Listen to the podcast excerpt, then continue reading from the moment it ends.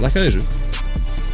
Komið heil, komið sæl. Ég mun aldrei lækki þessu leik Tíu hjartanir. Heilir og ferskir og allir, allir kátir Full skipaðir. Valur Gunnars Þorki Mánusson, Birgir Þór og Matti Tinna okkur á Facebook Messenger. Skype er ofmætti Yes! Skype er bara fyrir glæbamenn. Sklæbamenn uh, Við erum allan að mættir í Nóður Sirius stúdíu á Pokastöðinu Stúdíu 1 Það er ekki okkar heimavöllur En við erum tilbúin að setja okkur við Fyrir ykkur. Fyrir ykkur, af því það þurft að rótira Það þurft að púsla. Það er samt vissulegra þægilegra stúdíu Það er hlýra þetta Finnið Það, það er hlýra hérna og við erum ekki að tala um leiki Við þurfum ekki að vera grubli Þetta er alltaf sleppum Leðursófar, skilur við Það er þægilegra Það er er fínt að fá tölunum þetta Það er sko. sko fínt að fá memó- memóum þetta Áður en við byrjum þáttinn Hvar við stæðum með þetta? Nú er ég vondi kallinu sko. Nei, ég er ekki sammála því sko. Að vissuleiti er hitt stúdíu þægilegra upp á sko Effektív podcast. En þetta er voða kósi. Þetta getur maður hallað sér Þú veist, ég kom með bara Komur vel aftur í sófan Skilur Já, skemmtilegt. Já, Man jú. hefur það mjög gott hérna. Klættur eins og sálfræðingur, ég ránaði með þig. Þetta er bara mjög töf Opnaði því Valur. Ég elska ykkur. Það eru tveir sálfræðingar hérna, passaði því sko Fallegt Það er sko þú fáir ekki sikkur í greininguna?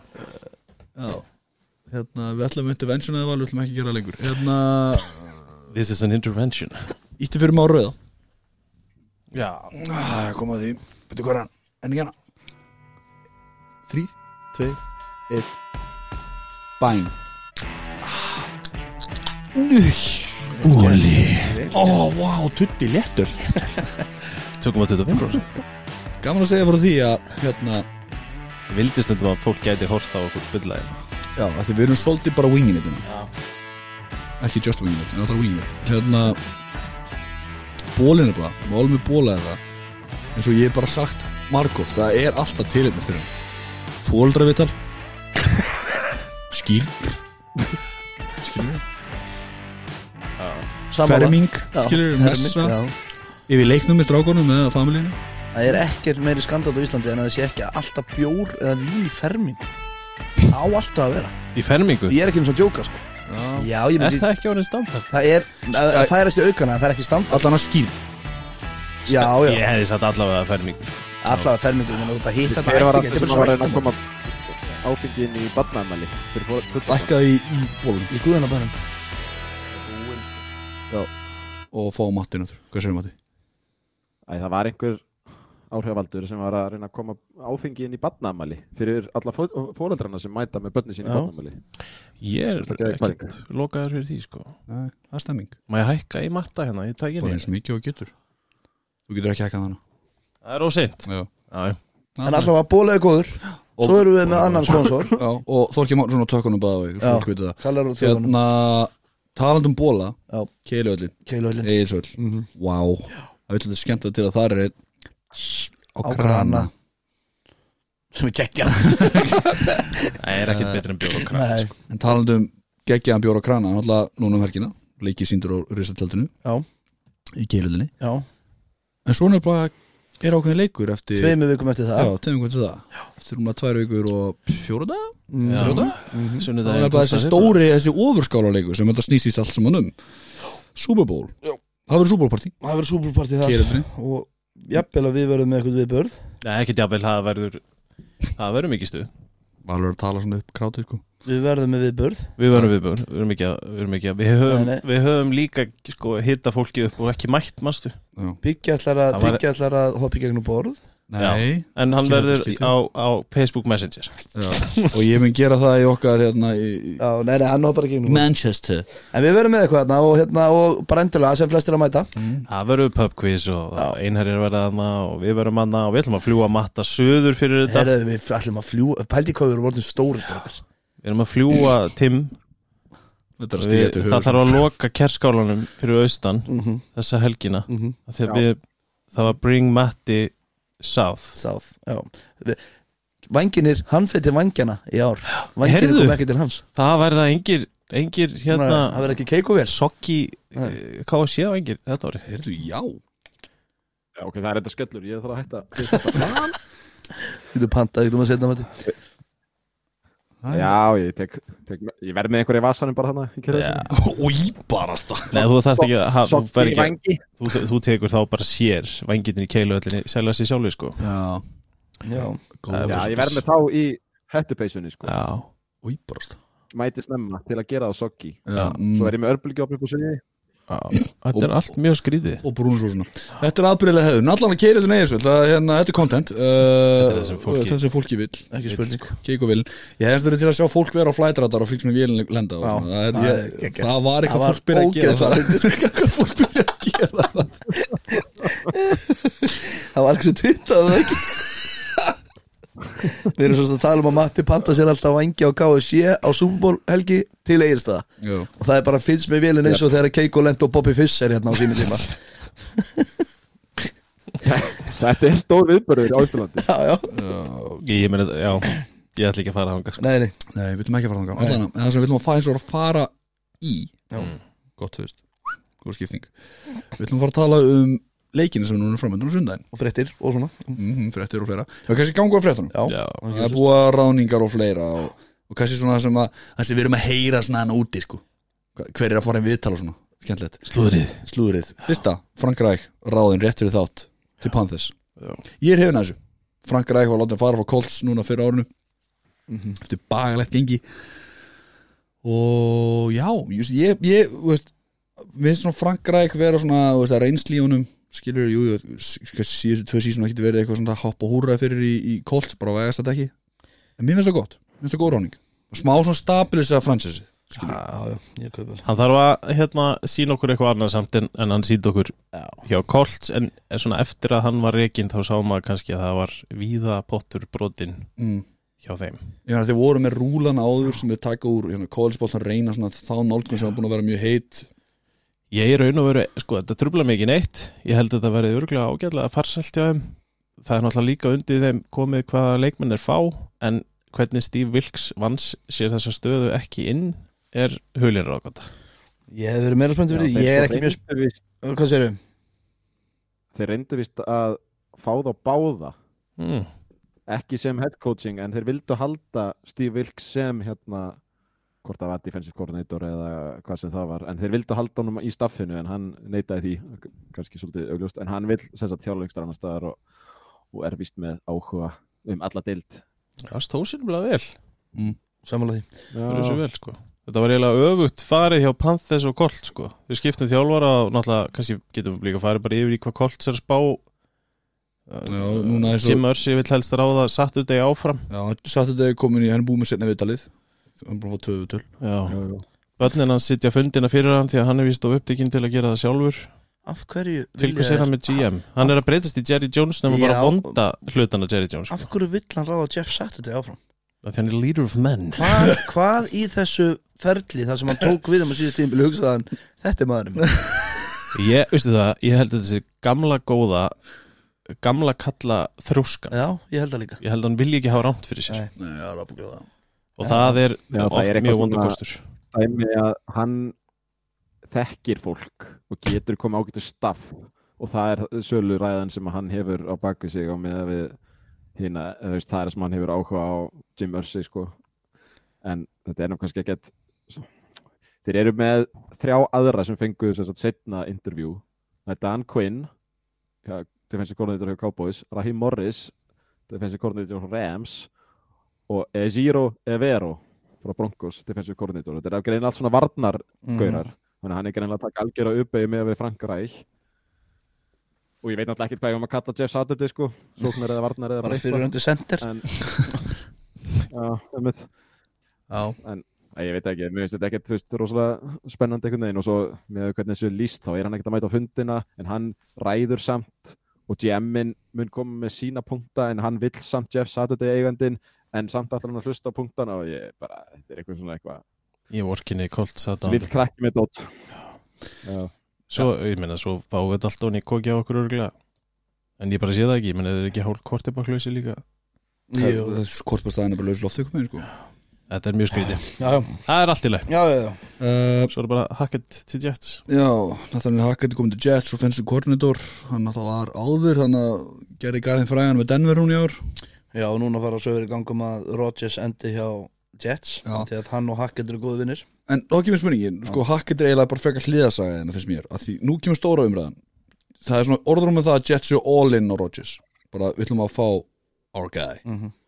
Francis Quarterbackin vilja þið segja mm -hmm. til tvekja ára, gerir á fyrir en ég veldi í svona fyrir mér uh, hver er vermiðin? Já, Rodgers. Já, hvað Marcus- þurfa, ég veit að vera first round ég sá ykkur Multiple, multiple first Já, round. ég sá okkur þá þvælu þessum þetta Sos Gardner, Quinnin Williams og tvo first round. Ekki séns. Nei. Ekki Nei. séns. Það er náttúrulega kjátt að málið er ef að Packers fær first rounder fyrir Rodgers í dag Já, og þeir taka á sig samningin og veist, eitthvað samning hvernig þetta virkar það er bara vinn fyrir Packers ég myndi sagt um við second í dag sko. Aha. já, ég er bara, ég er bara fyrir Rodgers? Eh, ég er bara komin í hausnum er ég, er Rodgers hættur í mér sko. Og ég er bara all in for love í dag sko. Og ég veit, þetta er, ég veit að ég er skrítin en ég er bara, ég er bara vona innilega að Rodgers verði ekki QB á Packers á næsta ári ef ég er alveg hinskil já, já Wow. ég, ég hef enga trú á því endilega lof sér svarið en ég, Nei, ég skil heldur. hvaðan þú Já. kemur. Second finnst mér leiðilegt. Samanlega því. Ég væri til í allavega Já, first ég round pick en þú veist, value og Rodgers er þú veist það fyrir svolítið eftir hvert hann er að fara sko já, já. og ég meina þú veist, hann er ekki með samningun hans er ekki, það er alveg hægt að treyta Rodgers þó hann sem með þennan samning að því það er hægt að í- konstrukta hann þannig að hann verði ekki það mikið kapit á næsta ári mm. -hmm. næsta, og samningunum var gerðu vist þannig, þetta er eitthvað svona pæling í þessu Ég var samt að lesa um kapiti og þeir eru út um alla veggi sko, ég held einmitt ekki sko hann er bara, Það er 25 miljonar næsta ári já. Það er ekkit galið fyrir Aaron Rodgers Nei, ef alltaf situr eftir hjá Pakkes Já, hjá okkur, ég er tala- ég er að tala um trade Já, ég skil, ég Við skil. erum að skýta, þú veist það sko, Það er það er ræðilegt ekkert fyrir. Pakkes þetta. Var náttúrulega búið að vera að ræða þetta á Twitter núna í rauninni var gerð við hann uh, árs 99 miljón dólara ársframlenging. Já, já, þú veist, og þetta með það, mér er alveg saman það. Ég bara, ef við fáum pick fyrir hann Já, það- Premium pick, Já, Það það er það sko. sem ég sé nefnilega ekki alveg fyrir mér ekki heldur. En það veist, frábært. Er eitthvað er í kringu 20 Já, ég kalla first round bara premium pick Þú veist, mér er, já, skilur, ég er að tala um þannig First Já. round, þó það sé ykkur staðir mitt og neðar er Já. bara alveg premium En ég veit að Pakkes er með blöta drauma um, um hérna, um tvo sko Já, það ég sé að það það verður gerast sko. Það var En allavega, Ég Hackett- er það spennt, að, það er spennandi að sjá Er Mjög spennandi að sjá, mjög spennandi Og ég, Hackett sem offensive coordinator, ég veit ekki Ég er í kupa Já, nei, ekki held Ég Jú, bara jú. þekki ekki En alltaf hann var hjá Matlur Við, Flöður við vitum hver Blake Bortles er í dag út á honum sko Já, já, og svo, en náttúrulega hann var náttúrulega að pakkast með Matli Flöður sem að var svona sóknar þjálfur, núna er hann fættið salið þannig að hann ábyrðin verður vantilega miklu meiri þegar hann fyrir þangað. Já, en ég myndi horfa á þetta svona, svona um, þetta, þú veist, Sala er svona Apex, svona alpha male skilur, Ég held líka Hackett. Aaron Rodgers er eins og hann er stór karakter Júvill var ég til að sjá hann í Ég- öðru liðin þú bara, bara sjá hann hvað hann gerir sko. Já, en ég meina Hackett er að fara samt í svipa gig sko, þú veist, hann fær að koma með sinn sóknarleikand inn, ég held að gæðin í Hackett hafi blandast við Matli Fleur pakkismein af því að var sóknarþjálfari í báðum stöðum, head coach og OC Já, já, ég er ekki, veit ekki hversu góður hann er sem, sem nei, nei. lítir í þessu sko. En í kjölfæra, svo ekki með það, eru Jets nú, nú er ég svolítið að fara aðeins út fyrir eins og með Rodgers, þetta segjum við takkinu tvö ár gera á fyrir tvö ár, Já, ok. Eru Jets nú tilbúnir sóknarlega og bara sem lið, sem heild fyrir það að taka þennan díl til tveggja ára upp á for it mm, Já. já, Já, ég veist já. það. Ef að þið Matti fá sóknarlínu sín tilbaka Já, sko, já, eins og Kalli segir þeir eru um að fá að vera tökker og okkar mann að tilbaka þannig að, já, þú veist, þeir eru með einn mest spennandi rúkjavætri sífurinn í ár eru með Eliza Moore sem ætti nú að geta gert eitthvað og er búin að sína að hann er góður. Ætti, já, er kemur tilbaka já en þannig erum við og stórt ætti. Já, já, Já, ég kemur tilbaka, það er klárt, ég já, ég, en, ok, það er búin að nefna einn og þetta síður sem búin að sína mér eitthvað Ég, þú veist, ég var ég menna þeir geta þá bætt kannski við sig við höfum svo sem séð Rodgers standa sér ágætlega með hefðu Jets tekið til dæmis Calvin Ridley? Otto. Já, já, en ég held að það sé alveg nóg að vera með Alice Moore, Garrett Wilson og, Og- mögulega bæta við einhverjum þriðja. Og eli- elitu vörd sko. Þetta, Já, þetta er alveg, þetta er alveg kortir í elitu vörd sko. En ég- mínar mest ágjur er ekki vopnin hjá, hjá þeim, það er bara er hvað á Rodgers eftir og er hann enn og aftur ætlar hann að spila sinna eigin sóknarleik skilur Já, Af því að hann- Jets og Jets og krútleir líka pælið í Rodgers í New York, sko. Það er algjör sturlun sko. þá, það, þá er fínt að hann fari bara. Þá get, verð, hætti fólk kannski að bögga mig með hann sko. Já, já, ég er bara, ekki spurning, þetta er spennandi. En, já, já, það, þeir verða fucking amazing með hann sko. Fucking amazing, sagði maðurinn. Er það gleym ykkur? Nei, Eh, nei. eh, Matti kannski veit eitthvað meira. Koma tilnefninga, tilnefninga til verðluna Veit ég hvernig við ætlum að taka það? Jú, væri það nú ekki alveg ánægilegt Viltu Eh, slefa Við þér? viljum taka hérna Bill O'Brien. Já, já, já, OC hjá Það sko, þetta er geðvik ráning Þetta er geggja sæning Við ætlum að segja, þetta er frábráning Ég er ekki að sjá að þetta veri toppað einu sinni sko Þú veist, það betri Fangio ráning til Miami mögulega En ég skil Vík Fangio, það er spennandi líka fyrir Ef að Vic Fangio, er, er það Já, það er, Það er bara núna- Það væri náttúrulega, þú veist, það er, já, já, það er samt að svipuðu leveli. Mér skilst þessi búið læsinn og skristu og það er bara að vera að klára þetta út sko. Já, já, hann náttúrulega fyrir ekki Já, það langt, er- hann er að vera það er- nýraður sko. En það er frábær Sagan ráning segir að hann sé lík Já, ok, það er eitthvað að netinu hérna. En hérna, það er einhverja sögur um að hann sé að býða eftir að sjá hvað Demico Ryan skerir mm. því að hann hefur sko. svo mikið tengingu við sjannan fjölskylduna út af pappans og hann var náttúrulega í 49ers áður en hann fótt í Bears þannig að þú veist að ákvörunin verið tekin þegar að Demico Ryans ákvörunin verið tekin Já, höfum við þetta kristaltæru Við verum ekki lengur vinir, Matti, að það gerist Ég ætla að segja, þá sest þú í, í hérna Sæti við hliðin á mér á lestinni Fuck Hattus, the, fuck the the 49ers. Niners í alvörunni. Bara- Ég bara, genuinely Fuck the Niners Ef að hann er sko búinn að vera svona viðlóðin æfingarsvæði á 49ers í allan vetur sem, sem svo kallaður ráðgjafi. Já, krútlegt. Það kemur ekki Þannig að ávart í rauninni væri þú að stelunum af mér, ekki öfugt. Nei, alls ekki. En varðandi sko Bill O'Brien ráðninguna uh, Bara það að fá eitthvað stabilitet í þá stöðu er eitt skilur við Sóknarþjálfari Patriots. Eitthvað sem líka Bill, hérna, Bill Belichick þekkir. Það er það sem ég ætla að segja. Og svo ofan á það er þetta gæði sem hefur gert þetta allt áður hann. Þekkir umhverfið, hann þekkir fólkið hann þekkir hvernig Bill Belichick vil gera þetta. Og hann er unni Super Bowls með breyti hérna, þú veist, þetta er vinner þetta er A-klass ráning og einn af þessum gaurum sem að stóð sér vel sem head coach en var því miður settur í þá stöð að vera GM með því og var hræðilegur Já, já, stóð sér vel og skeitt líka þannig að hann er með þvíleika reynslu í öllum aðstæðum einhvern veginn. Þetta er mjög góð ráning og Matt Jones lítur að hoppa bara heljast og aftan á bak sko. Hann er líka að koma inn eftir smá pásu Ég er alltaf að því þegar menn koma aftur inn ferskir sko. eins og McCarthy en, Já, já, alla, við skilum. hann er náttúrulega búinn að vera sko offensive coordinator á Alabama núna í, í pátunni sinni, þannig að hann er búinn að vera í stærsta college-nafninu Já, ég er að tala um svona inn í NFL-deildin aftur. Ekki þess að brandaradeild í Já. háskólabóltanum Svo kom hérna einhverja fréttur um að Joe Judge hafi ekkert verið vinsalasti maður á æfingarsæðinu að Bill, Bill Belichick hafi verið sí öskrand á hann og Mac Jones hafi ekki líka vel við hann og bara drama. What else is new, sko? Samt drama í sko, New England er alveg svona, hvað er það? Já, já.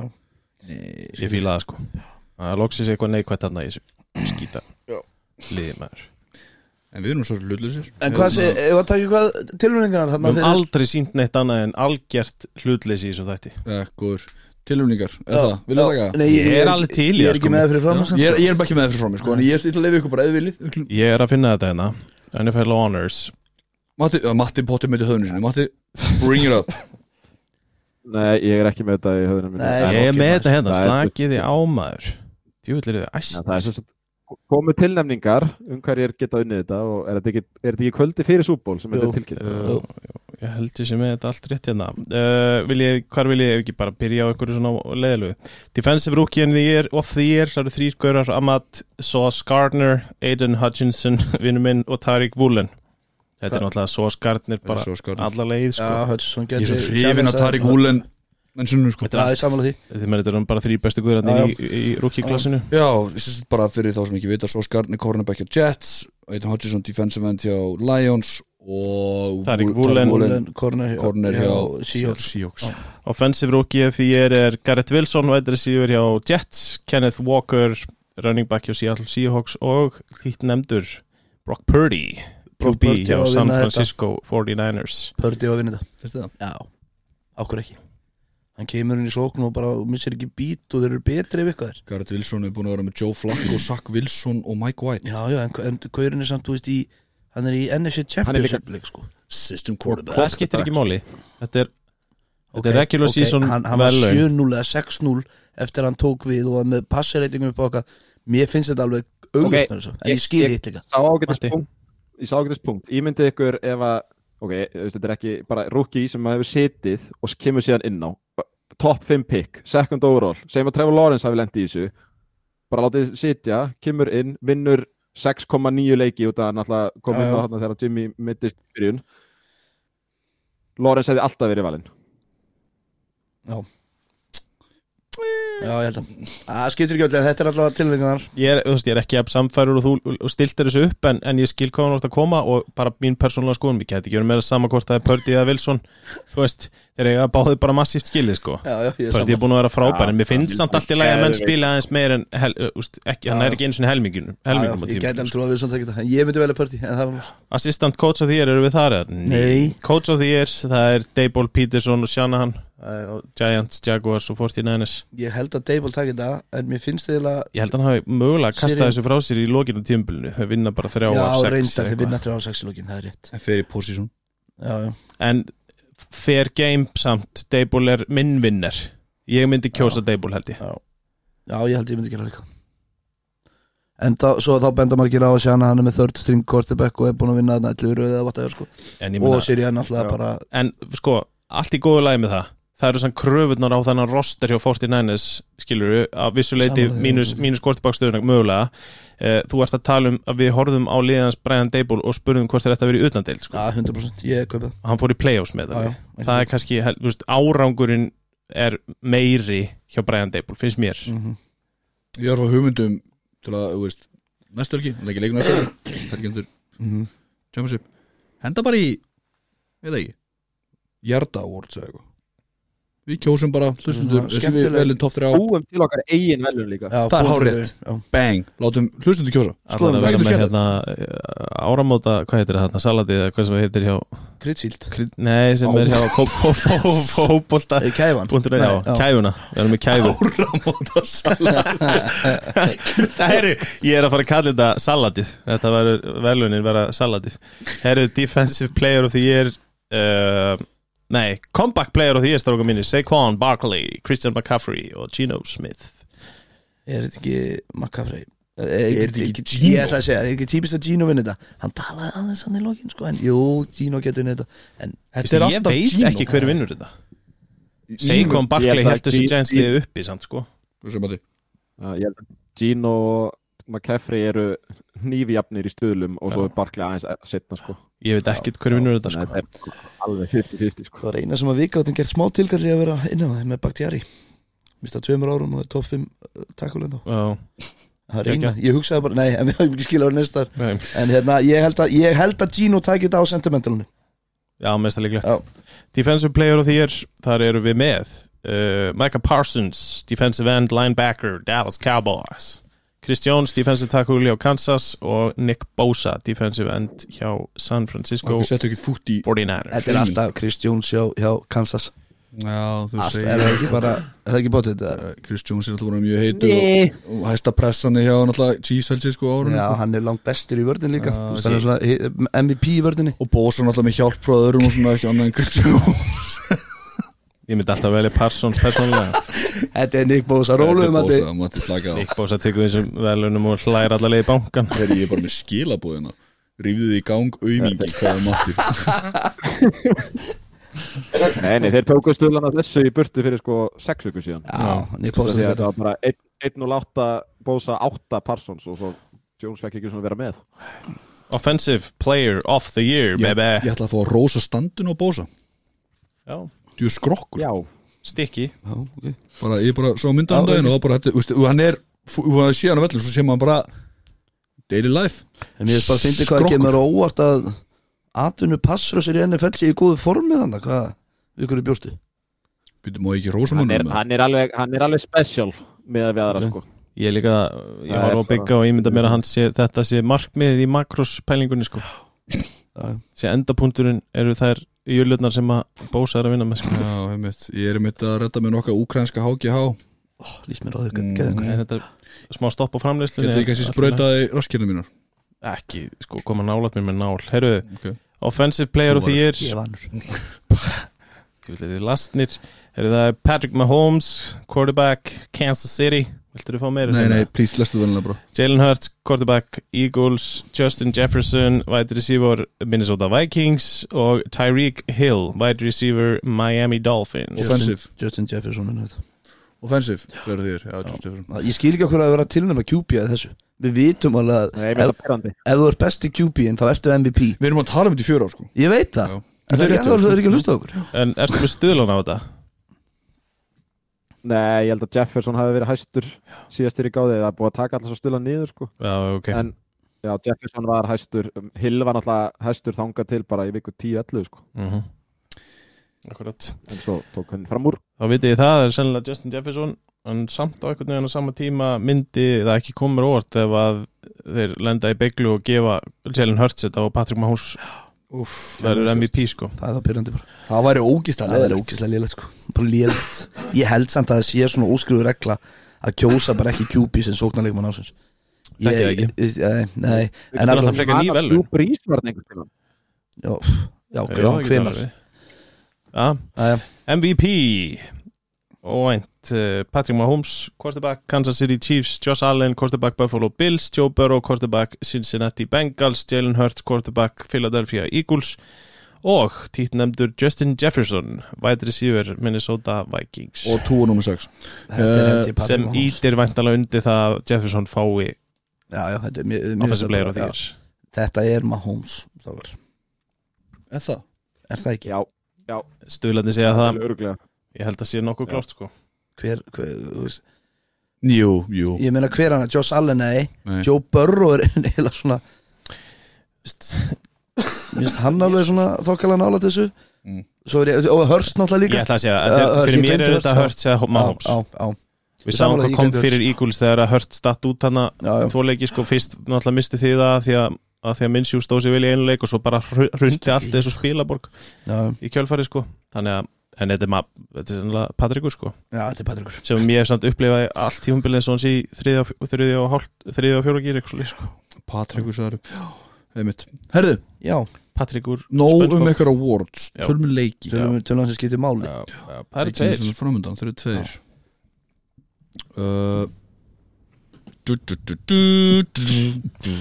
Littlu leikitinn maður. Ba, ba, ba, ba. Já, fyrsti leikurinn á sundaginn klukkan 8 Philadelphia Eagles þegar fá til sín San Francisco 49ers Við ætlum ekki að fara við það hvað við spáðum strax Við ætlum fyrst að tala eins um þetta. Ég er hrifin að því. Já, Er og spurðu okkur líka. Vist þér ákveð hvað, hvernig Já. spáðu því? Nú ætla ég bara að hendi þessu í Hér erum við komið með tvö bestu NFC liðin. Já, en það er það NFC Champions leikur. Uh, Þannig ég velti svona fyrir mér. Nú eru umfyllir búin að vera mikið eins og bandarækjamaðurinn gerir. Hvernig finnst ykkur umfyllir búin að vera? Finnst þú voru að halla á annað liðið? Uh, eru búin að tala upp annað liðið? Hver, hver er sölunum? Hvað er eitthvað að teika á þessu? Mér finnst það ekki Mér, það er að segja Mér finnst Mér finnst að halla örlítið áttina Eagles Já. En það er alltaf Já. með smá varnagna á, á að hört sé 100% mm. En Ég meina það er hvað mínus 2,5 á Eagles í þessu ég, Er ekki lína þannig Jú, Þa, Þannig að þetta er bara 50-50 leikur Og mér finnst persónulega umfyllin hafi verið þannig Mm. En það er maður skoðar þetta Og ég var nú aðeins að grúska fyrir þáttin eins og ég sagði ykkur. Þetta mattsöpstrákar Þetta er fullkomið. Mm. Þetta er fullkomin NFC Hérna, hérna úslættaleikur Mm. Sammála því, ég meina þetta eru þetta er bara fljótt á liti að vera þetta tvö bestu liðin maður fyrir mann í deildinni. Sammála því. Bara staða fyrir stöðu mann fyrir mann frá cornerback til punter sko. Sammála því. Það, það öfugt við eigin síðan sem við tölum eftir Að þar er er svolítið svona Þú veist, hérna. Mm En þarna er þetta svona uh, Jafnar einhvern veginn, sérstaka Nænesmegin, jafnar einhvern veginn Og þú veist einhvern veginn svona, þú veist, maður sér ekki endilega þú veist, uh, ég sé ekki Brock Purdy vera að fara að taka yfir leikinn þarna eins og ég get sé báða QP-ana í AFC leiknum, Mm, skilju hvað ég meina? Já. Sko, þessi lið mættu síðast árið 2021 þá fóru frisko með sigur 17-11, gaman að segja fyrir því. Mm, mjög gaman. Og overall bara þess 14 aðeins 19 sinum Eagles 14 sinum og einu sem játafli Já, Þetta eru stassar, já ég meina, þú veist. Þetta eru gogn við fáum ekki jafntöfni aftur. Nei. Nei, ég, Nei, en ég er sammála. Hér eru ekki, með, hér eru ekki eini sem kannski mögulega Sko, er ekki, er ekki sammála því að meira wildcard leikmaður er alltaf Jalen Hurts sem sammála því það ekki? Jú, ég meina, Hurts er náttúrulega uppsætti og, sko, jú, vælkalleimar, en bara að því að hann er svona smá tæpur Já, hann er ekki tæpur held ég lengur, ég held sé ok, ekki að tala um það Nei, nei, eftir síðasta leik, Nei, ekki nei. þannig sko, ef þú ert að pæla í valkart þá er náttúrulega, er meðslinn hjá 49ers miklu alvarlegri, bara eins og staðan er núna er, er McCaffrey og Mitchell ekki á æfingu. Debo limited og Trent Williams did not participate sko. þannig að, Já, það var, það var resti hjá Trent. Ok Já, og Hínum megin er, þú veist, alvarlegast að það eru, hérna, Amandi Maddox og Lane Johnson báður limited, en eru þó að æfa Já, en McCaffrey er að spila Ég er að segja það, en þú veist, ég horfði samt á síðasta leik og McCaffrey var ekki McCaffrey og maður sá hann var að drepast í kálvarum sko. þannig að það er náttúrulega, þú auðvitað vilt ekki hafa McCaffrey er brotatasti 100%, leikmaður 100%. deildarinnar sko. 100% hann er upp á það að gera en kvortibakstöðinni eru þetta Brock Purdy meira vælkart, þetta grínast. Hann er náttúrulega stærsta valkarti sko. Nei, þegar ég var að segja wildcard því meira við bara svona einmitt, þú veist, Getur tekið yfir er því, því, já. Meira bara svona Sammála getur breytt að sko. leiknum með að hendi 200 sepsum skilju þannig sér Já, já, á neikvæðan hátt, þú erum að tala um Já, hört sér líklegri til að breyta leiknum til þess betra fyrir Já, sitt akkurat, lið. Þannig ég, ég, ég skil þig. Og ég meina, þetta eru ábúrslega áþekk lið. Ég meina, þeir eru með sterka sko, mér finnst til dæmis tætendstaðan og fylli vera pínu vannmyndin, Contest er segur sko, og þegar hann er heill þá er hann mjög góður.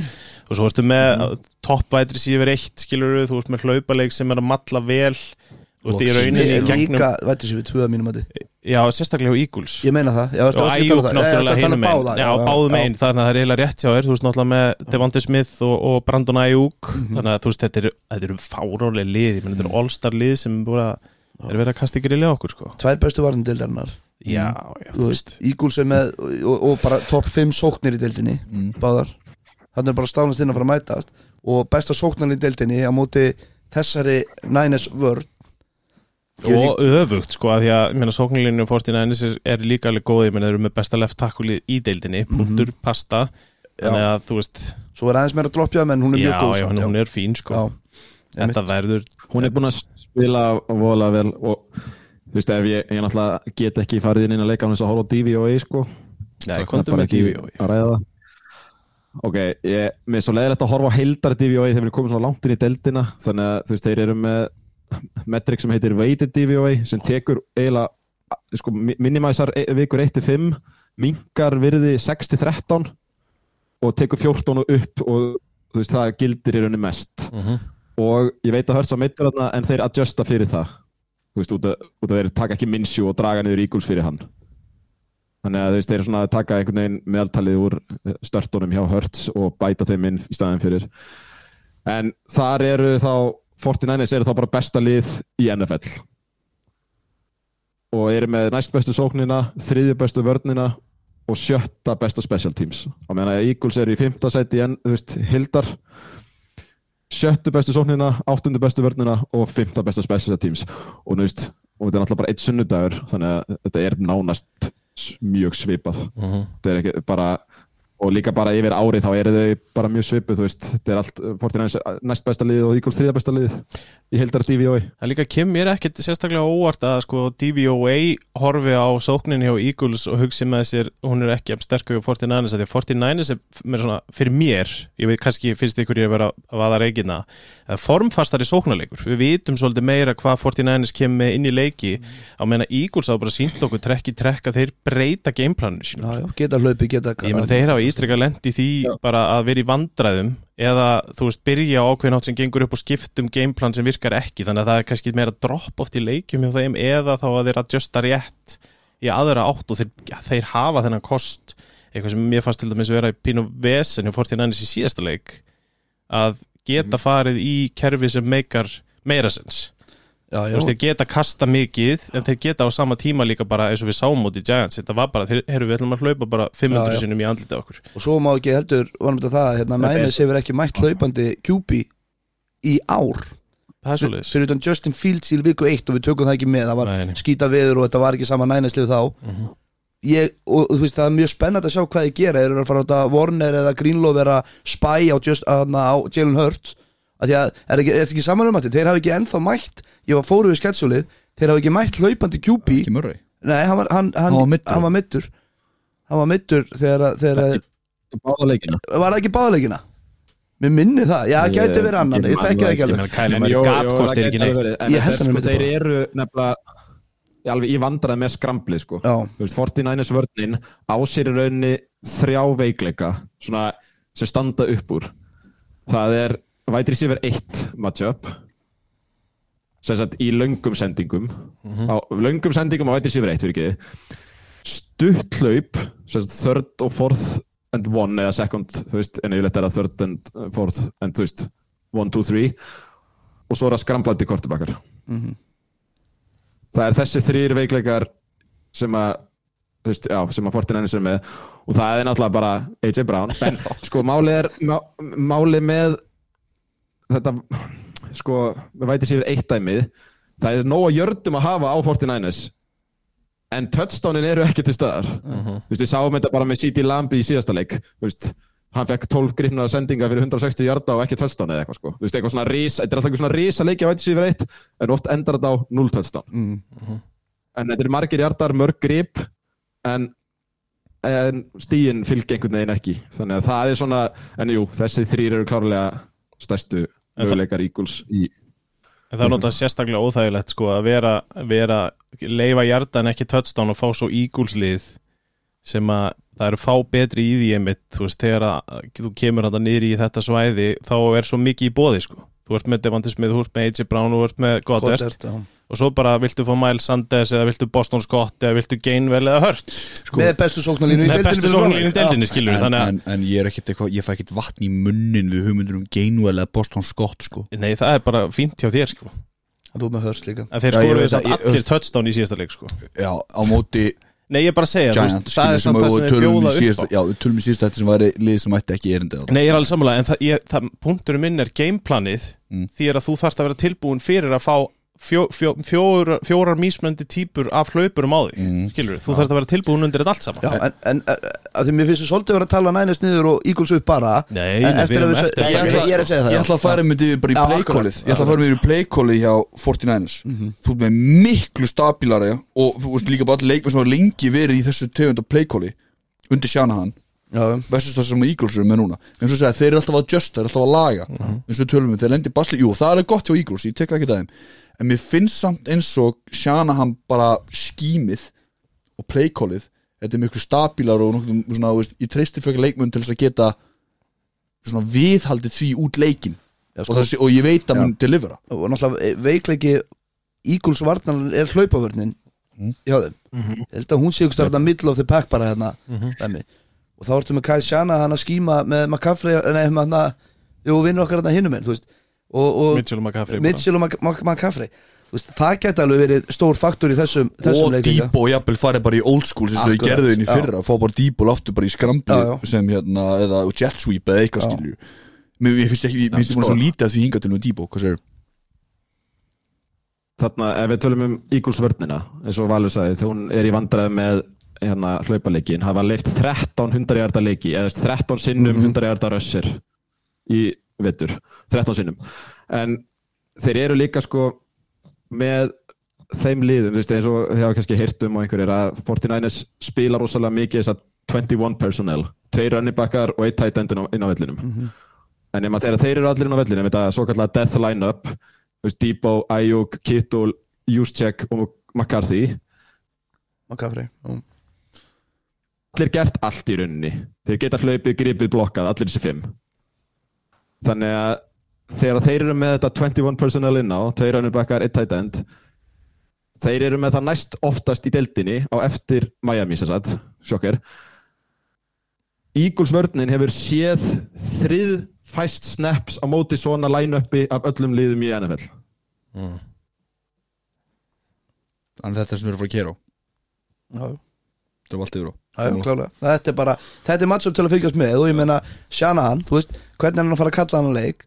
Verður hann aggressífur? Ég var að lesa ykkur að gagninu um hann að væri svolítið konservativ stundum í stórun leikjum Ég veit ekki hvað sem satt ekki, ég fór ekkert í fakt. Er hann að fara að treysta hérna, Brock Purdy? Hvað er hann að fara, hvað er hann að fara að setja mikið í höndunar á Mr. Irrelevant, skiljið hvað ég meina? Mm. Þannig að ég, yes.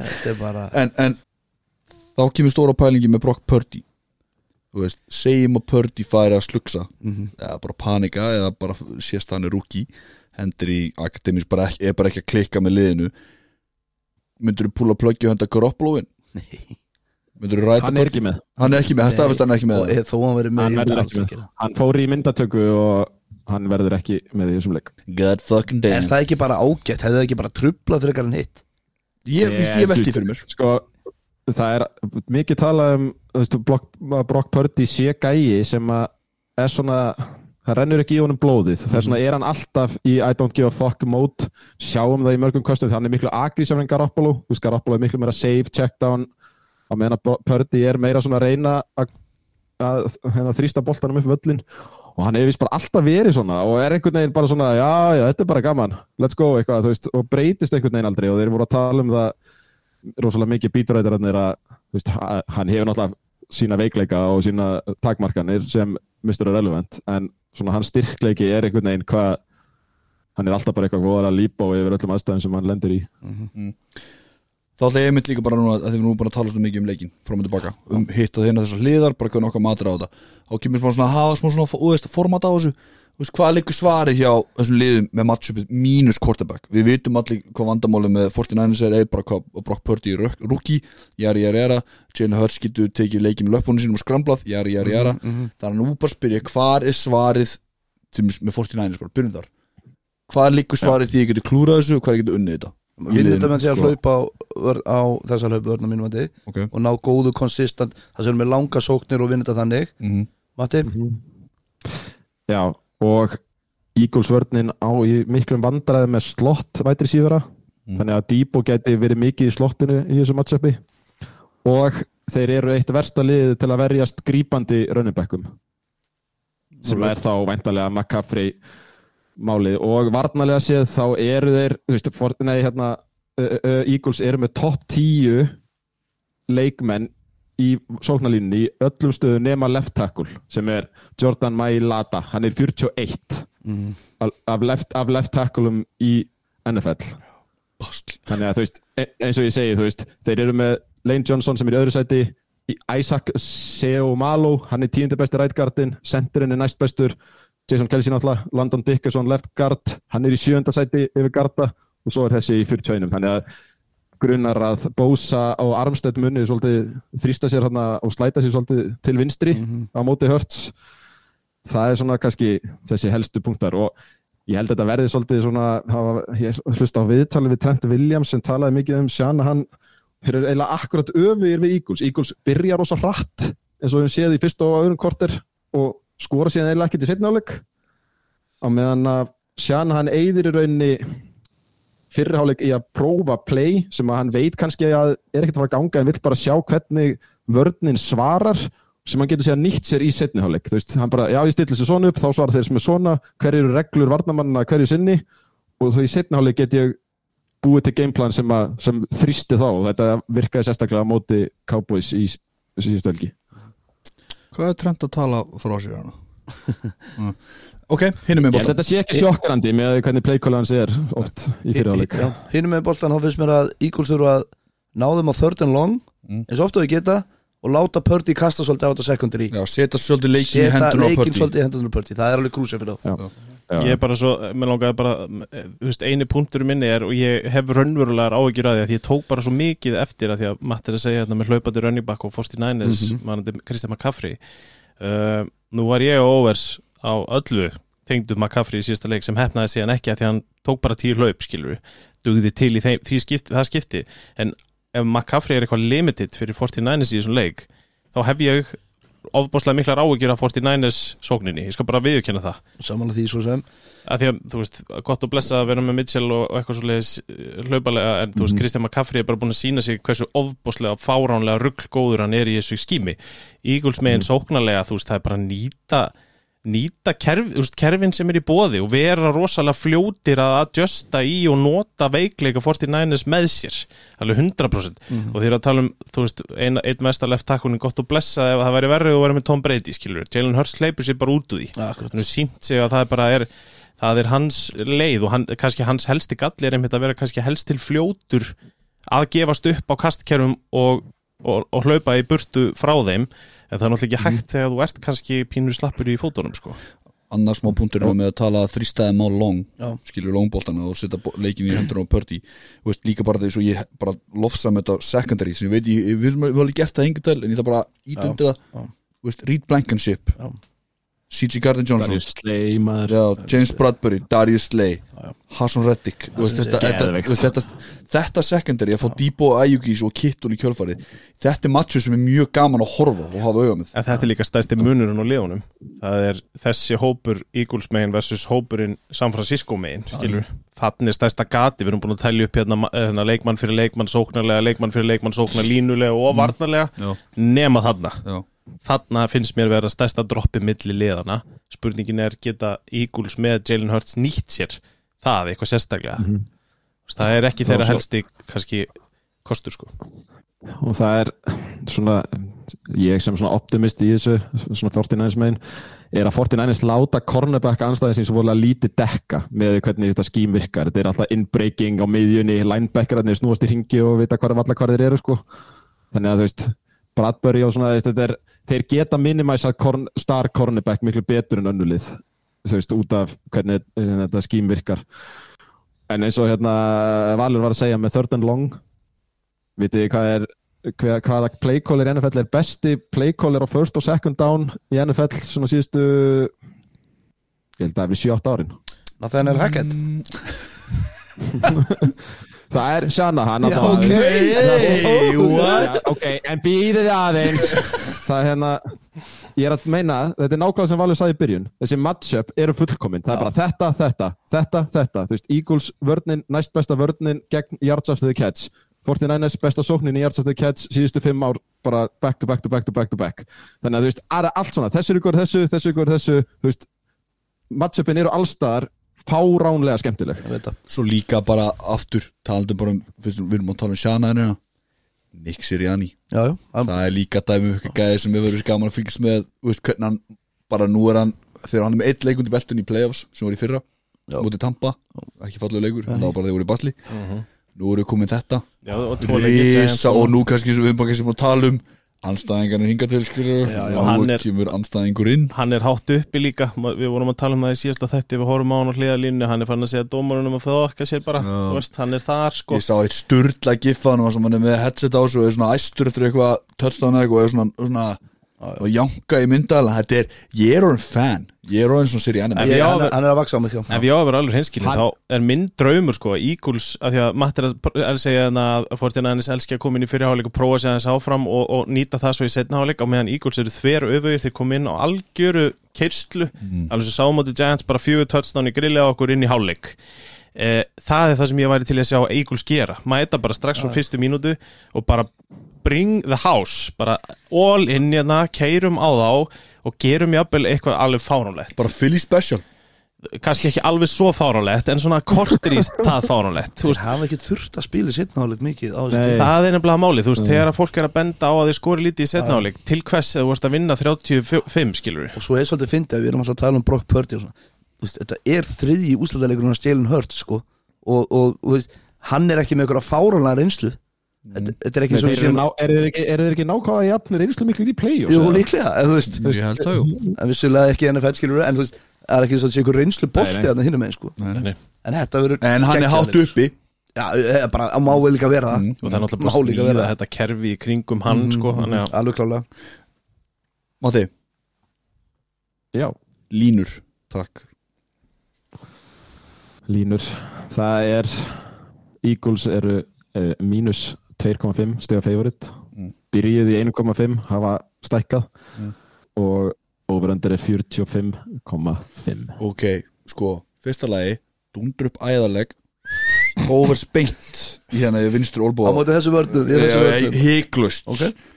bara hérna inn og bara ég ætla að sittast niður og njóta Ok. ég tek alltaf over svona leik 45 stig. Ég get allavega sagt það ef þetta verður low-scoring leikur þá hef ég miklar af Eagles.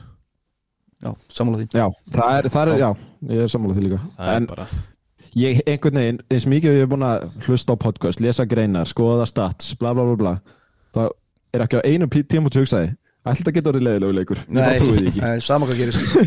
Uh, línar mínus 2,5 þetta er, þetta er á mikið sko. Mm, þetta er hátt sko. Já, já, við svona jafnan leik En þú veist, þetta er náttúrulega reyfist bara með því sem að vera að hlaða peningum á Eagles og, og færist línan þannig að, að, að en minn Svo er það náttúrulega í Philadelphia sko. Já, já heimaðurinn sko. Eins og Matti vil alltaf segja gefur þrjú stig. Wow. en, en, mínus 2,5 sem er því það er að Frisco nokkuð? er 0,5 favorite samkvæmt þeirri starfræði Ég veist það bara nokkuð á, á sangjart hlutlausamelli Já, Ég veist það bara nokkuð sangjart lína sko. Mínus 2,5 í fíli sko. Getur við, bara, þú veist, spáin? Já, svo við klárum þetta nú eitt tíman Já. uh, m- Ég ætla að segja Eagles af því að ég er búin að tapa þessari tippkefni fyrir löngu síðan og ég ætla bara, ég mun halda með Eagles. Ég held að sé allir þeir sem hafa hlusta á fleiri neitt þátt af þessu tímubili vita að ég er mikill Eagles maður. Já. Uh, Mér finnst þetta alveg stór skemmtilegt lið. Ég hata fucking 49ers Það er svo geð og ég finn í hverju einustu viku nýja leið til að finnast þeir leiðilegir.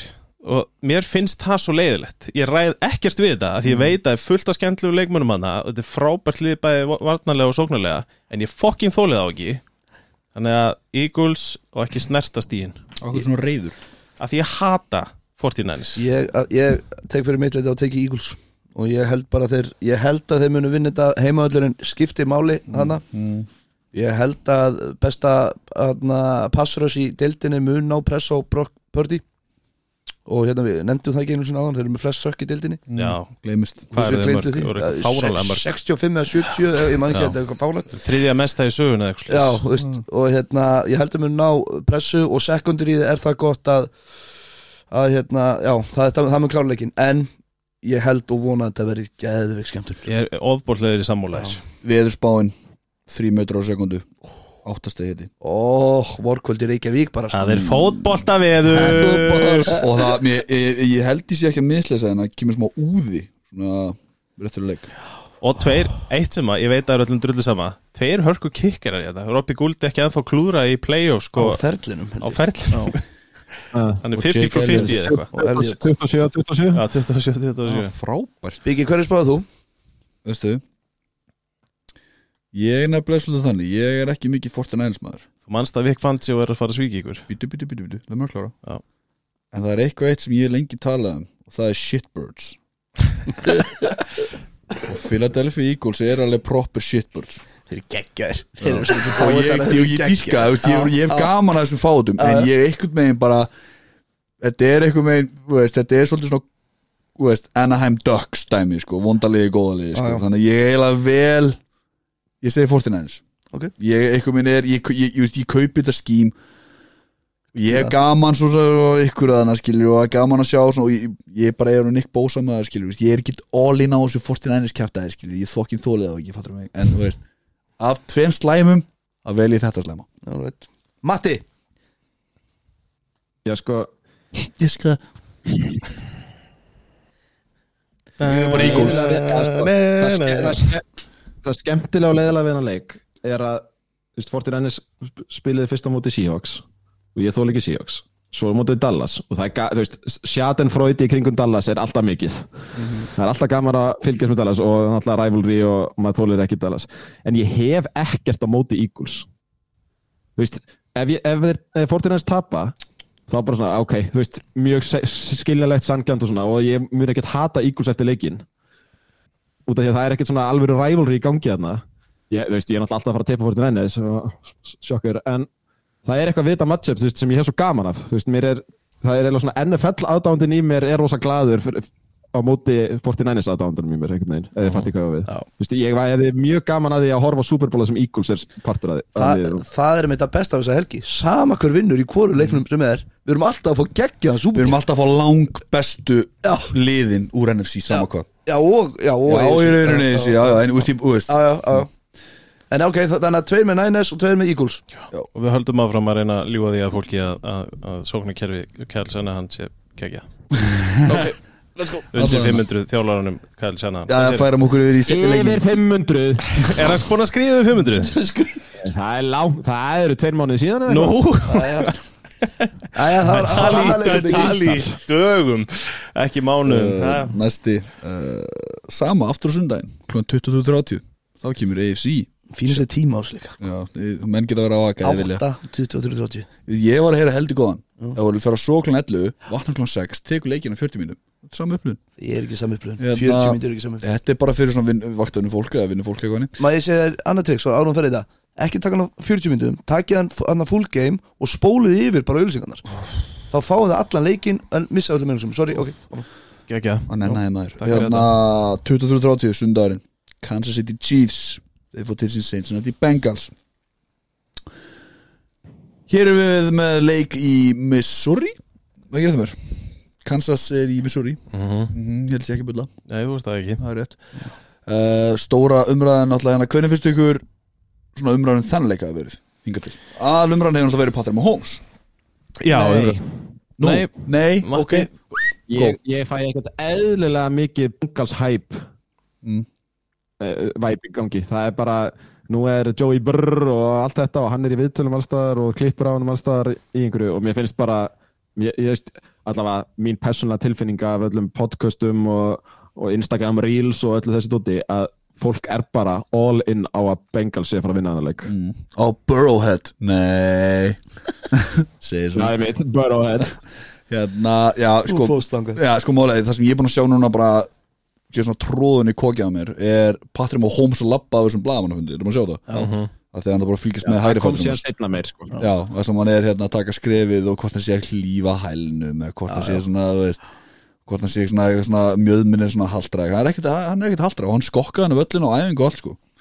Já, já, ég meina sko, tilfinningin mín fyrir þessu leik og það sem ég sé er náttúrulega mikið með Mahomes hve- hvernig hann verður og svona, en ég er líka sammála því að menn er að tala um að Burrow verður bara nýr kongur NFL ef að Já. Bengals fara tvö ári röð í Super Bowl strákar.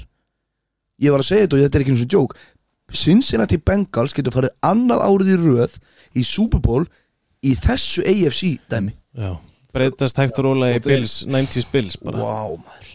Það er rosalegt. Og þá er talað um eins og með maður segja þá er, getur Burrow orðið nýju kongurinn sko. Mm. og ég kaupið það alveg. Það Hvað er Timbo að reyna að bara eins og við erum búin, eins og við erum búin að tala um að hann er ekki bestur í neinu en hann er ógeðslega góður í öllu. Big Balls Burrow. Já. Hvað segir maður því? Já, ég er bara ætla að var svona að pæla í leiknum bara Já, er- við fyrir með þetta smá. Ég ætla að fá að kalla það koma? Já, hvað, hvað ég segja? Hver er þín upplýðum fyrir leik? Uh, Umræðan. farið ég er bara einhvern veginn búin að vera að fylgja svo mikið með hinumleiknum að þetta er bara farið frá mér. Ég, ég get alveg verið sammálaði að vissu leiti sko að, að vegna þess ég held að svona fyrri partin af þessari viku og frá síðasta leik hafi þetta verið miklar á að gera með Holmes svo sér maður bara á bettinglínunum að þeir snerust við um leið og menn fóru að sjá hann lappa svona þokkalega eðlilega. Þannig að þú veist sögulínda í þessum leikur er svo ofbúslega háðar honum við vorum að tala um það áðan hversu ofbúslega sterk liðin eru hinum megin og meðan hérna ertu með tvo frábæra kortebakka Mhm. þó að mér finnst Bengalslið sterkara leikmann fyrir leikmann uh, þannig að hérna skipti það öllu máli þú veist, við erum að tala um Brock Purdy vs. Jalen Hurts, ok, hinum megin Burrow vs. Mahomes. Þú veist, öðrum megin erstu með liðin á móti hver öðru hinum megin ertu með leikstjórnum á móti Já. hver öðrum. Þannig að það er svo háð því að sögulínari eftir að floppa gjössan út um alla trissur hérna. Þannig að ég bara, ég á ekki svar við því Ok. en ég er alveg sammála matta samt uh, ég hef áhyggjur af því hversu margir eru feitir á Bengals. Það er uh, yfirleitt slæm Veist hverju ég ekki ákvæða það? Þegar mér finnst Burrow vera bara mestu vinner í þessari deil síðan Tom Brady bara, var ég, hann á vissulega eftir að vinna er, hund, ég er reyndar 100% sammála því sko Mjög fyndin umræðan hann er, Já, mátti klára.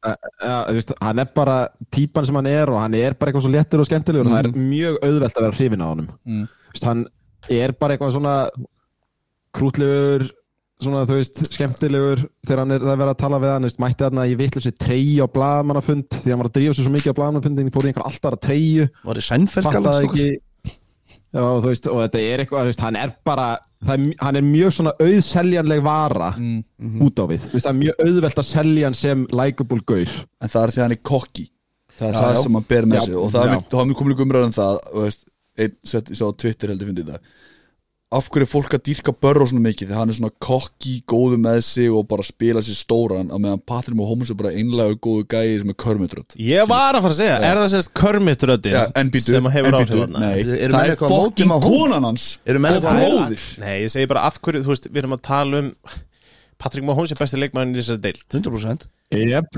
og Er bara likeable gæði, hefur ekki gert það, þetta hann hefur ekki gert neina neitt af hverju Burrow svona brjálæðislega vinsæll að því hann er búin að vinna þrísvar hann er búin að mæta hann þrísvar og vinna hann í öll skipt Já, nei, já, ég er bara já. að tala um almennt, skilur Já, mér finnst Ma- við Mahomes höfum ekki- vera mjög likeable Já, já. Nei, og öllum finnst það. That's the point, sko. Já, En einhvern veginn er sögulega búin að snúast við.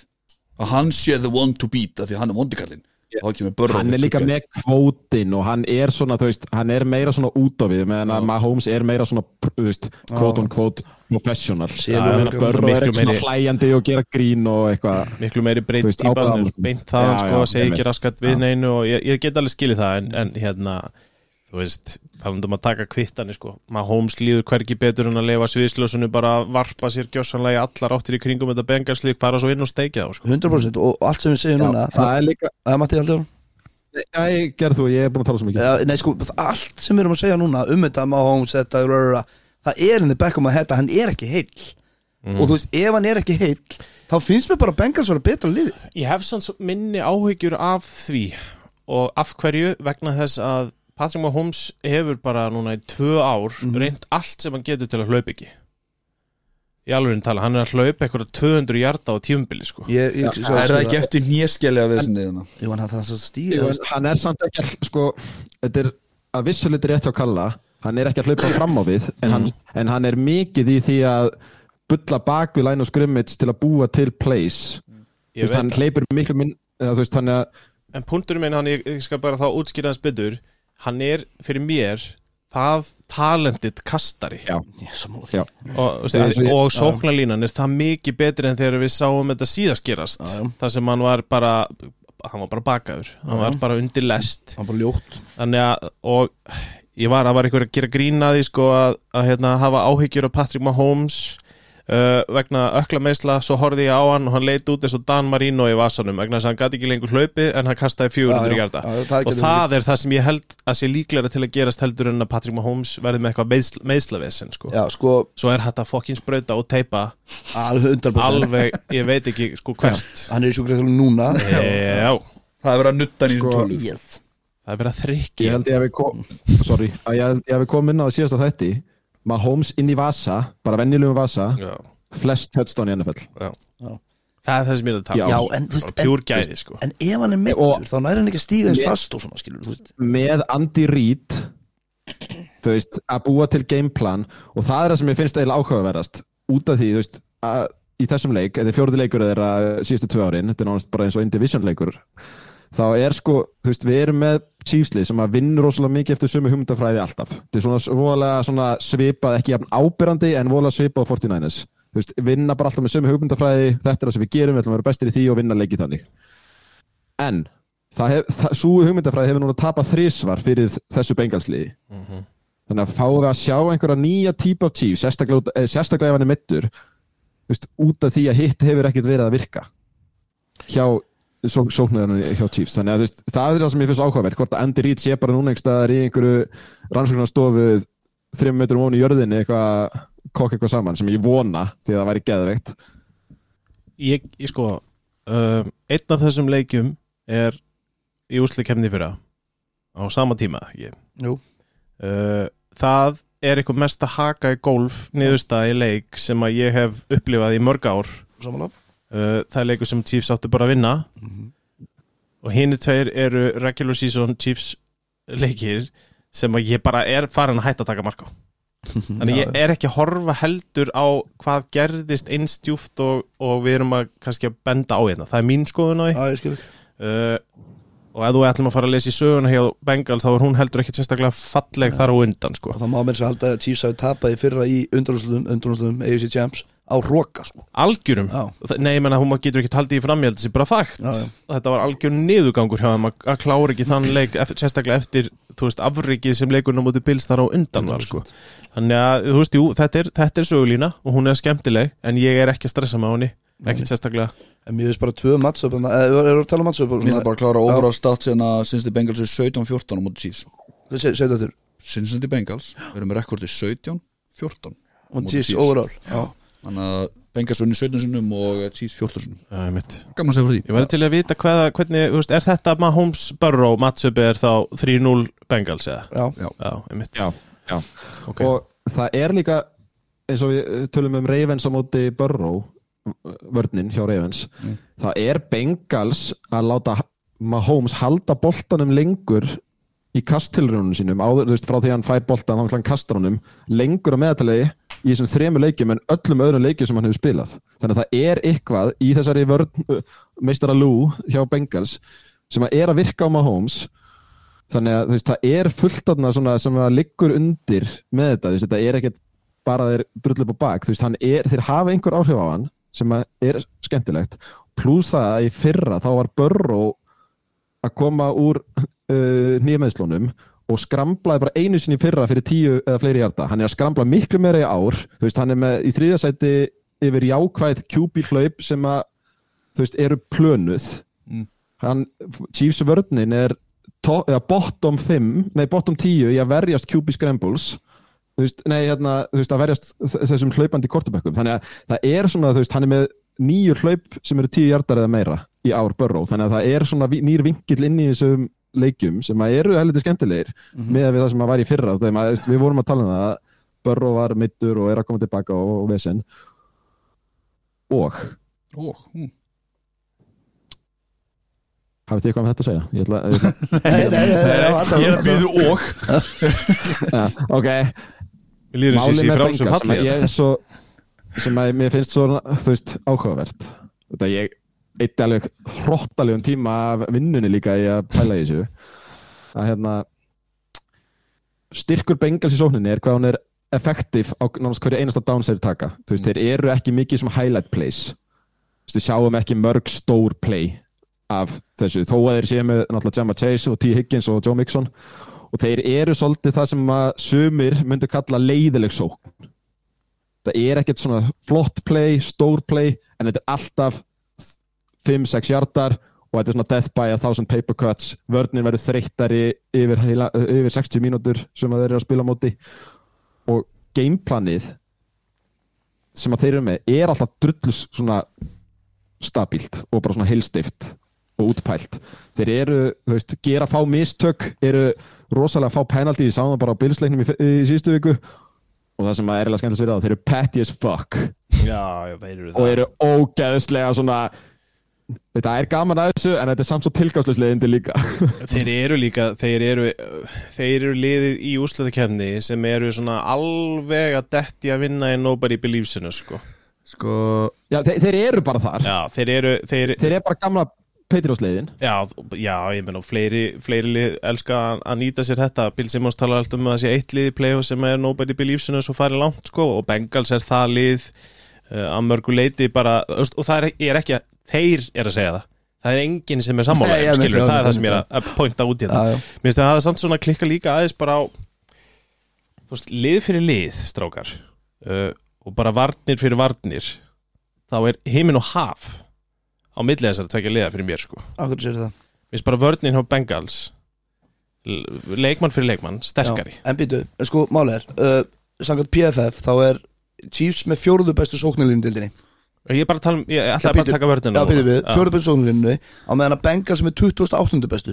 Ég hefði getað sagt það, þeir eru náttúrulega ekki við erum ekki svona búin að taka á því að það vantar megni af henni já, sko. og þannig að Jones og svona, því þú tala um varnir Hann verður með hugsalega mun meira aðgengi að En, Burrow heldur en minn þeir, það var líka svona í síðustu viku og þeir hafa aldrei verið betri. Nei, Ég ætla, að taka það með Ég sá mig líka stats á Twitter elsku gamla góð Twitteri Það sem að Chiefs væri hvað eitthvað second mesta eitthvað þegar kemur að QB hurries Já, Það er að segja að þeir, eru, þeir, þeir komast merkilega hratt í sekundur í aftan við hérna sóluninu seg er það ekki bara Kristjóns? Líklegast Jú, það er bara Chris, það er, jú, það það bara að Karl Loftus er svona aðeins aðna Já, Kyle Loftus er ágættur endar En ég bara, þú veist, ég ætlaði bara að taka þetta svona, þú veist. Já, ég er, ég er ekki að segja að ég hafa þeim þeir eru komin allavega hingað en leikmann fyrir leikmann eru Bengals líka við vorum að tala um það í síðast hætti líka bara hvað þeir eru svona virðast þú veist þetta er hægt að vera overperformed þetta eru tvö Mhm. tímabili röð skilur Mhm. þá eru bara leikmenn eins og Logan Wilson bara orðið mjög góði leikmenn já, Hendriksson og það neðast ég er að taka það fyrir hann sko Já, já. fæst þú ekki eitthvað, eitthvað sneið fyrir Logan Wilson Í fyrra, jú Já, Sem, að, sem að var áttu algjör rétt þessu eftir ekki sko. 100%, 100%. En svo náttúrulega fekk ég núna sneiðin í síðustu viku eh, Síðustu þetta, þannig að Ílaði Apple sneiðin Já, já. sko, að, en hann er kannski ekki efstur á lista heldur í, í upptalningu á leikmönnum Bengals en þú veist ég veit ekki, mér finnst það að því við vorum að tala um mismatchin milli Eagles og San Francisco 49ers þá er þarna sko mismatchi en náttúrulega sóknarlínunar það er- gæti ekki verið réttari hjá þér og það verður bara mjög frólitt, þú veist, eru þeir allir át þeir voru þrýr át, sko Ég, ég veit ekki hvernig, það er, það er ekki Williams Það. Jonah. Williams, ég held að Jonah er Williams, er sko, og svo sekundarið hjá hérna Alex Kappa uh, er ekki að æfa og Jonah Williams er ekki að æfa að spila sko Hvað sagðirðu, Matti? Ég held að Kappa muni spila mun að spila, ok, það er Það huge munar. hann er gard sem er að stoppa Jones sko. en, en aftur þessi sóknarlinni síðastleik átti sko. því líka leik sko. já, já, Og Ted Karras er full participant baby Þannig að þeir eru að fá þá tvo af þremur tilbaka og Jonah. Williams sem er uh, left takkulinn þeirra eða ekki frekar en hægri Hann hérna hann er ekki að æfa og er með nýjameðsli og ég Jonah er ekki alveg að sjá hann koma tilbaka sko. Ha, Sorry, það er ekkert endilega líklegt að Alex Kappa sé að spila. Það er hann að sendirinn sem að er meittur en mun spila. Hann Það er náttúrulega- Ka- Karas. Ég er bara búin að heyra að Kappa myndi ekki spila eða væri líklegast ekki að fara að spila. Ég, ég, Já, já, ég Og- er og- upplæðum saman. Já, og hann er sem sagt, hann er gæðin sem hjælt Jones niður í hérna leiknum sem er runnu núna í vetur mm. Jones var með bara ekki neitt Jones er alltaf að fara Jones er að fara að rótera allstar að leita aukustu liðinu sko. hann er að hakka þessu sko. En hinu megin, þú veist, er injury reported basically full participant eða limited það er enginn sem er ekki að, að þú veist, Ma- Mahomes, Jarek McKinnon, Mikael Hartmann og Willi Geir og allir að æfa að einhverju leiti þannig að þú veist, ég, ég, ég hefur, ég, sko, fyrst við erum að tala um matchup þá náttúrulega væri til síver Mhm. korið hjá hérna Bengals veistla á móti þessu þessari Já, sko, Chiefs. Ég það, það er samt, það er alltaf eitthvað stress í mér að einhver þarna springi út hjá fucking Chiefs, sko.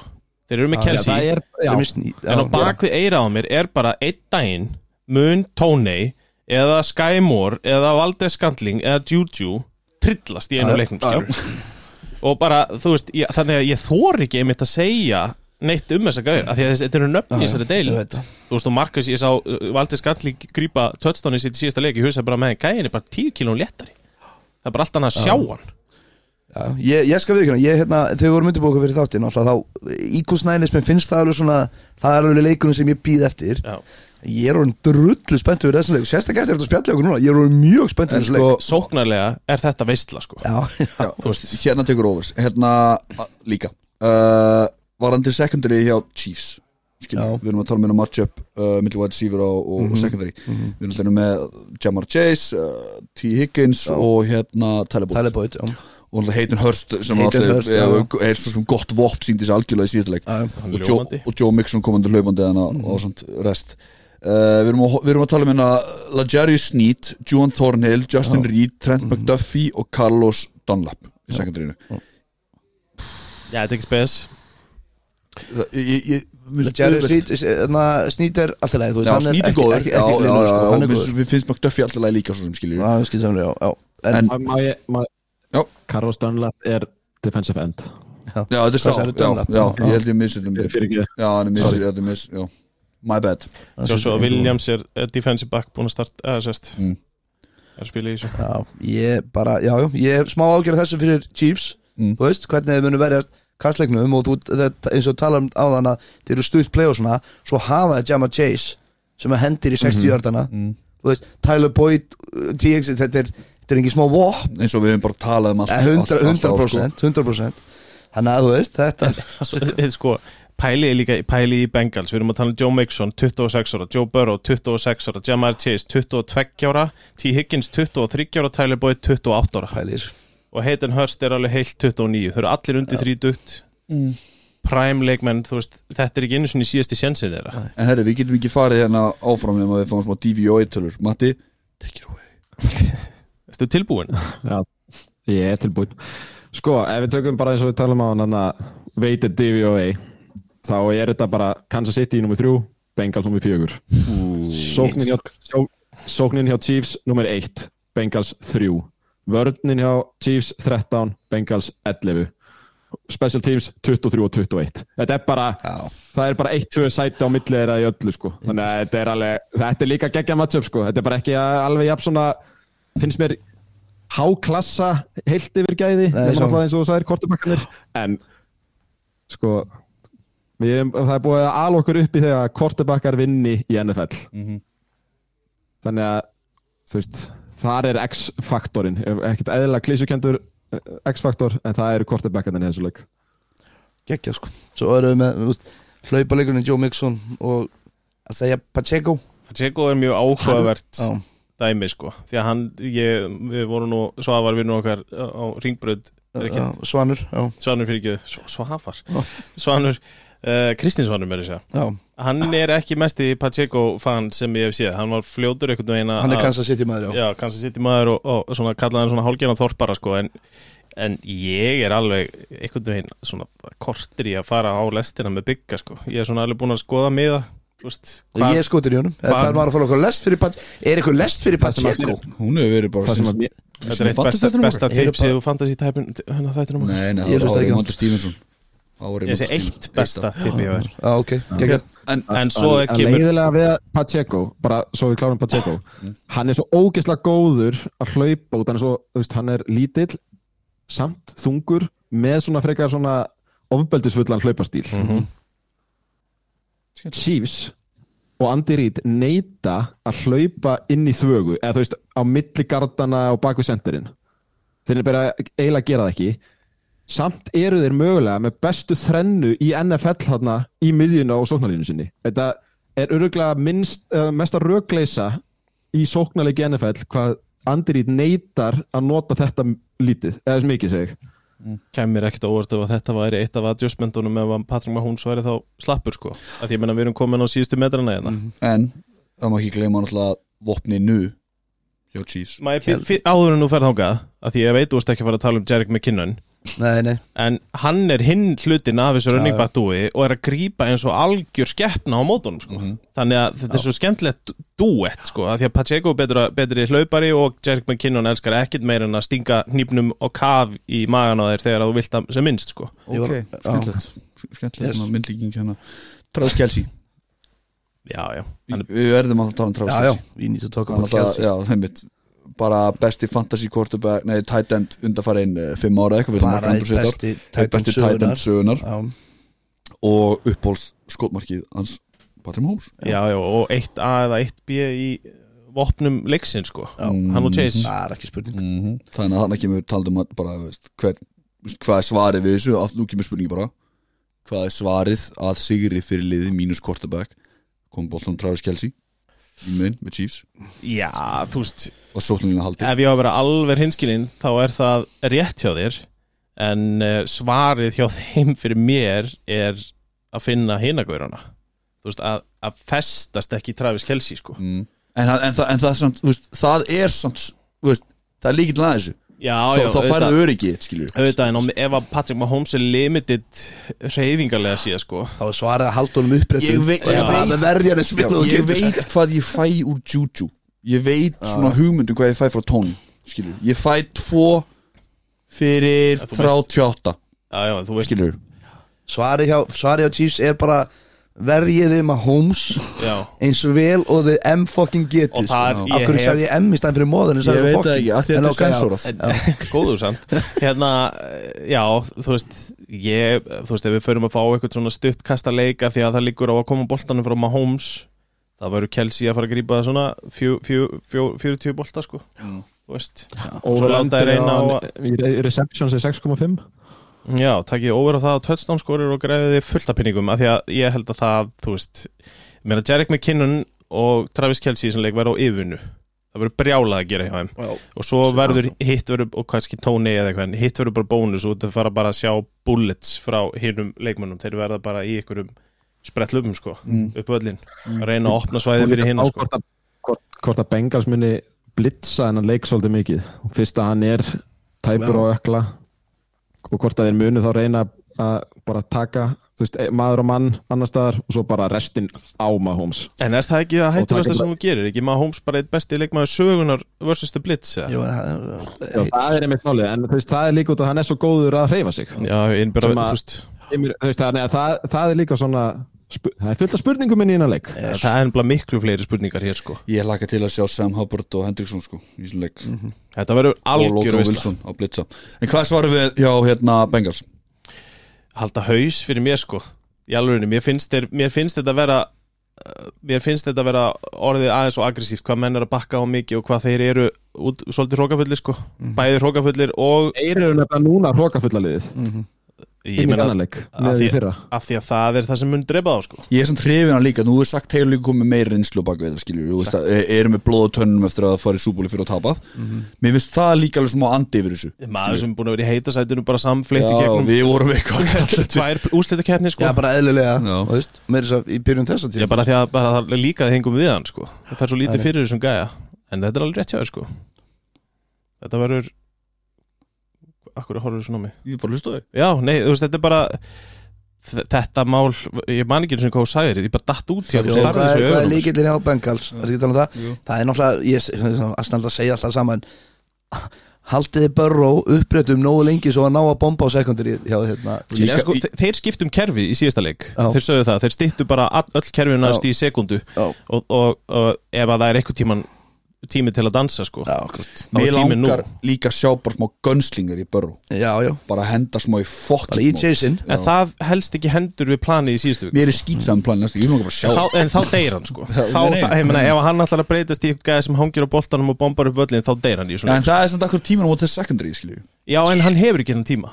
Veist, Ég segi þetta er tímin á þessu secondary. Já, Yes, yes. Uh, Matti, línur Herri, það er Chiefs mínus 1,5 eftir fréttunar af öklanum eftir Mm. hann lappaði að blamannu fundi og snýri sér á æfingu, Mm. tók snúning Mm. og over under er ekki nema 47,5 og What Kaching Wow það er búið að hækka Injected in my over under í veins. 49ers Eagles um eitt stig Hvernig Já. er, og tölum þátt hvernig er hérna veð, veðurspáin, Biggi? Það eru verið, haldur nú að tala Já, en hérna Já, Ég er ekki mikill óverandi maður sjálfur en hvernig spáinn Kansas Eh, eh. City. Sko málega er samt sko það, Ég held að hafa ekki mikil áhrif á á hérna Bengals eins og hefur áhrif á 49ers Skiljur, því þeir eru vanið svo þeirri En það er skýtkalt Í Kansas, þá veitum það, alltaf. Já, ég veit að það er mínus trjár Já, já, Það er kikk á ferur Engin Ok. snjókoma engin Og við erum að tala um norðanótt Fjóru metrar á sekundu Garri. Football weather. Nei, tjók En þú veist, aftur Þannig að ég taki orðið og við fyrir að klára þetta. Ég ætla að taka Bengals hérna. Uh, Ég þóli ekki að ég sé að fylgja meiri hlutanum. Ég hef stórfældar ágjur að því. Og ég er kortur í að skipta. Okay. Do it. Ég, ég er líka Bengals og, ég, og hérna Þú veist, ég er bara nokkuð brattur með það ég, ég held að Mahomes sé ekki eins heillum en talum Ég held Með að það sem Tony Romo sagði síðast að þá er galið að hann sé að spila ekki það að Tony Romo pullar náttúrulega meira en anskotin Eitthvað þarf hann að segja.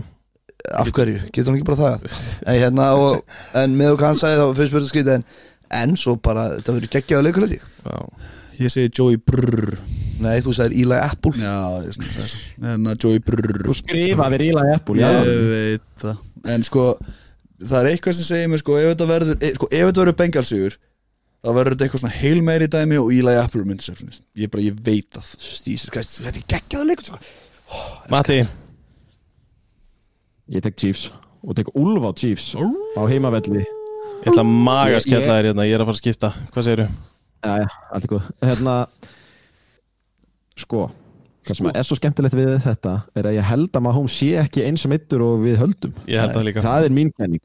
Ég held að bara út af því að þetta var uh, divisionaleikur inn í championship leik að overreactionið hafi verið svona svakalegt mm. Með grunar að hann sé ekkert eins mittur og fólk vilja minna Ég held það líka og ég er bara einhvern veginn eftir að við erum búin að tala svona mikið saman hérna þá er ég bara að hugsa þetta er, þeir eru að horfa á Bengals hátt uppi Mhm. þeir grjót halda kæfti allan tíman hann er að svi- hérna, skána virðist þokkalega í öklanum og svo hann eitt sem að er ekki búið að koma fram hérna þetta er bullandir í venskim Já. þetta er eitthvað grimmasti þeir voru rændir síðasta tífumbil fyrir þeim. Balls Já, og Er- mögulega geitin Svo reynda má ekki gleyma að nefna það Þetta er bara any given Sunday fyrir Chiefs þegar að verið hana hvað? We've been here before. Já, þeir hafa verið hann- Fimmta skipti. IFC leikurinn í röð Já, þú veist, þeir, bara þeir eru heima hana Uh, ég ætla samt að segja eitt að það er öllum drullu saman trippleikin okkar en ég og Mattur erum með sikkort kískið þarna ef ég er rétt fyrir mér báðið þá er ég einu stiði frá hann fyrir Super Bowl. Wow, Yes sir. Huge. Það er að við getum huge. verið Við getum verið co-meistarar eða ég vinn þetta. Ég er bara í win-win hérna. Það er já. Kissing your heiður að vera sister. með þér. Já, veistu það Mattias. Mattias, ég segi það sama. Herðu, Já. er ekki bara góður? Búin að þessu, langur þáttur? Við erum alltaf að byrja um að hálftíma spjalli. Já, vel lungspæti En, þetta var skemmtilegt. Það var bara að koma þið, það var bara þrý leikir eftir Við tökum upp á mánudaginn, Tökum á það mándag er stefnan? Mm -hmm. Já.